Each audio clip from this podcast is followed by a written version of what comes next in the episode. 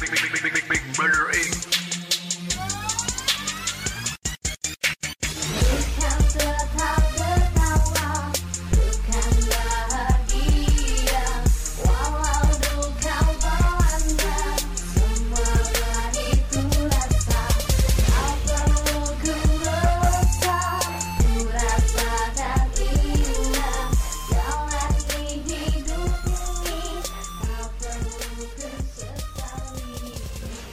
yo, what's up? Welcome to ACDC. Ini adalah sebuah miniatur perpustakaan suara tentang kisah dan cerita hidup gua. Di mana lo bisa ngabisin waktu lo dengan cara yang paling gak elegan dalam menjalani hidup. Apakah itu? Ngedengerin komentar orang. Ya, setelah riset yang gue lakukan dan gue terbitkan sebagai konsumsi pribadi, ternyata hasilnya begitu signifikan. Simpulannya menunjukkan di belahan dunia ini tuh ada orang-orang yang kerjaannya seneng buat dengerin komentar orang. Parahnya lagi, orang-orang ini tuh ngelakuinnya secara sadar. Ada yang ngelakuinnya secara sendiri, ada juga yang ngelakuinnya secara berkelompok. Gue nggak habis pikir, apa faedahnya dengerin orang ngomong? Apalagi sampai sengaja ngumpul cuma buat ngelakuin hal itu. Ini tuh orang-orang yang gak ada kerjaan atau apa sih? Ya, berangkat dari hal itu, gue bermaksud memberikan pencerahan layaknya bintang terang yang jatuh melewati lapisan langit yang sesungguhnya nggak pernah bisa ditembus sama satelit. Karena gue pikir masih banyak orang-orang yang tersesat dan butuh tercerahkan dari lika-liku kelakuan perempuan dan laki-laki. Maka dari itu, lahirlah CDC. Karena setiap orang dari kita tuh pada dasarnya butuh pencerahan. Dari mana aja datangnya? Apakah itu dari tulisan-tulisan yang berasal dari kayangan, suara-suara astral tanpa perwujudan, bunga-bunga tidur atau lamunan, termasuk salah satunya komentar orang yang berbentuk kritik, saran, atau masukan. Zaman sekarang tuh orang-orang udah mulai berkembang, udah bergeser, pemikirannya udah mulai terbuka.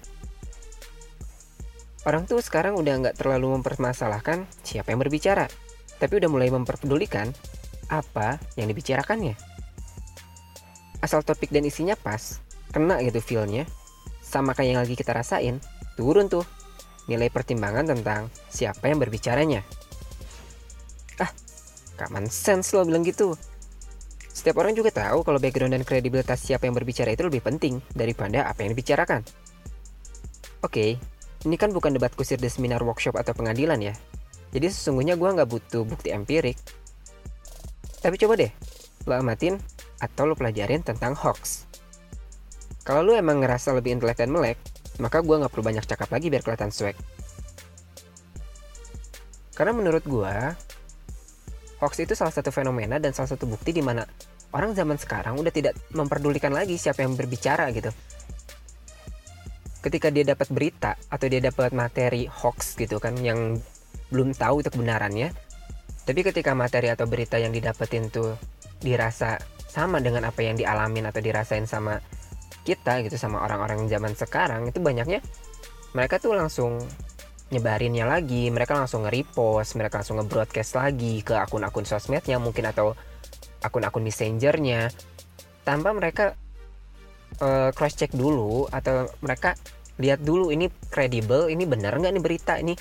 Uh, bisa dipertanggungjawabkan nggak informasinya jarang juga orang-orang zaman sekarang yang ngelakuin hal itu. Mereka bi biasanya dan banyaknya langsung ngepost mereka langsung bilang ke temennya eh ada berita ini ada kabar ini ada kasus ini. Jadi menurut gue itu salah satu bukti nyata bahwa orang zaman sekarang tuh udah nggak terlalu peduli lagi sama siapa yang berbicara atau dari mana sumbernya. Asal beritanya cocok dan dia pikir dan dia rasa sama dengan apa yang ada dalam benaknya dia langsung percaya aja malah dia langsung jadi pendukungnya gitu dia langsung nge-repost ulang dia langsung menyebarkan juga berita itu tanpa dia tahu pertanggungjawaban dari informasi yang dia dapat itu. Ya itu ada beberapa fenomena yang memang terlihat skeptis. Tapi banyak juga eh, pengalaman-pengalaman atau fenomena-fenomena lain yang memang positif. Karena nggak ada yang sempurna dan nggak ada yang paling benar di dunia ini. Apalagi kita cuma manusia biasa, bukan setengah dewa. Pasti ada salahnya. Pasti banyak banget kurangnya. Karena emang udah dari sananya diciptain dan ditakdirin buat berbuat salah karena kekurangan yang dimiliki oleh kita, manusia. Jadi sering kali gue risih sama orang yang selalu ngerasa dirinya paling benar dan segala kelebihan yang ada dalam hati tamaknya itu ngejudge dan menistakan orang-orang di sekitarnya. Bebas aja lagi. Orang mau ngomong apa kek, mau komentar apa kek, mau ngelakuin apa kek, asal bisa dipertanggungjawabkan, I think it's not a big deal. Nggak usah dibikin ribet. Apalagi pakai nyinyir-nyinyir segala macam netizen yang mau tahu dengan segala komentarnya.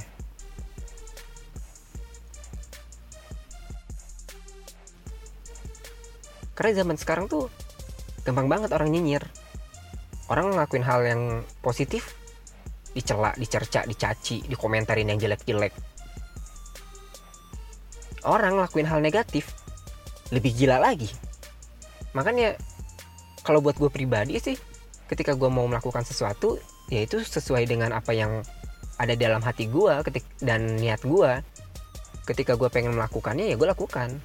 Nggak harus nggak harus tergantung dengan apa yang akan dikomentarkan orang nantinya atau akan jadi penilaian apa bagi orang lain karena kita mau jelek pasti di komentar jelek kita mau ngelakuin hal yang bagus atau baik sekalipun nggak sedikit orang yang ngomentarin tetap jelek. Ini maunya apa sih manusia zaman sekarang tuh gitu? Ya gue gue akuin. Ya gue juga orangnya banyak kekurangan. Walaupun gue yakin lebih banyak lebihannya sih. Ya honestly gue bukan tipikal orang yang pintar dalam menyelesaikan sesuatu. Gue lebih cocoknya menciptakan sesuatu atau tepatnya lebih dari satu beratus bahkan beribu. Ide gue liar pemikiran gue di luar nalar. Prinsip gue mendasar. Dan mimpi gue besar. Itu semua cukup buat bikin isi kepala gue penuh sesak sampai pengen keluar. Gak sedikit orang yang ngerasa sama kayak gue gitu. Tapi menariknya cuma sedikit orang yang bisa hidup berdampingan dengan semua itu. Banyak yang negor gue soal prinsip dan idealis. Gue bilang itu kejauhan lagi. Menurut gue hidup itu bukan soal yang berat-berat harus berfilosofis menurut gue itu cuma soal gaya hidup. Ya gaya atau cara seseorang dalam menjalani hidup. Ada yang simple ribet complicated sampai pagujut pabelit jadi nggak usah jauh-jauh bahas idealis atau realis. Karena gue tuh orangnya humanis abis. Cuman pengen hidup sebagai manusia dengan cara manusia biar lebih jadi manusia. Karena hidup itu berasal dari hati dan pemikiran. Kalau dasarnya udah mikir yang berat-berat, apalagi ngelangkah dengan hati yang berat, ngejalaninnya juga bakal berat. Perlu diingat, hidup itu masalah. Kita lahir ke dunia itu adalah awal dari masalah. Lo tau gak sih apa yang dipikirkan orang tua secara manusiawi ketika kita terlahir ke dunia? Ini anak tuh harus dikasih makan. Uang jajan, biaya pendidikan, pernikahan, belum lagi kalau jadi pengangguran, jadi sampah masyarakat yang meresahkan. Berat kan? Itu kalau kita berpikir hidup itu adalah masalah. Nggak ada yang mau nikah atau mimpi punya anak kali. Coba deh pakai perspektif terbalik. Lo ganti sudut pandangnya dari negatif ke positif. Dari yang berat, jadi yang simple. Maka akan lo tarik kesimpulan, dari yang tadinya hidup itu adalah masalah, berubah. Jadi hidup itu adalah berkah. Udah beda lagi ceritanya. Semua orang tahu, hidup itu pasti penuh dengan masalah. Tinggal kitanya aja yang pintar-pintar jalanin dan memaknainya. Pasti banyak halangan di setiap langkah dalam mewujudkan harapan kita. Bentuknya bermacam, jenisnya juga beragam. Masalah gue sama masalah lo mungkin beda, secara nominal angka dan kuantitas. Tapi satu hal yang jelas, masalah kita pasti sama secara kualitas. Itulah yang selalu gue jadiin motivasi dan inspirasi buat gue terus ngelangkah, bergerak, menuju apa yang gue tuju. Karena kalau kerjaan kita cuma ngeluhin masalah dan dengerin komentar orang melulu, gue yakin lo yang bakal ketinggalan jauh. See you.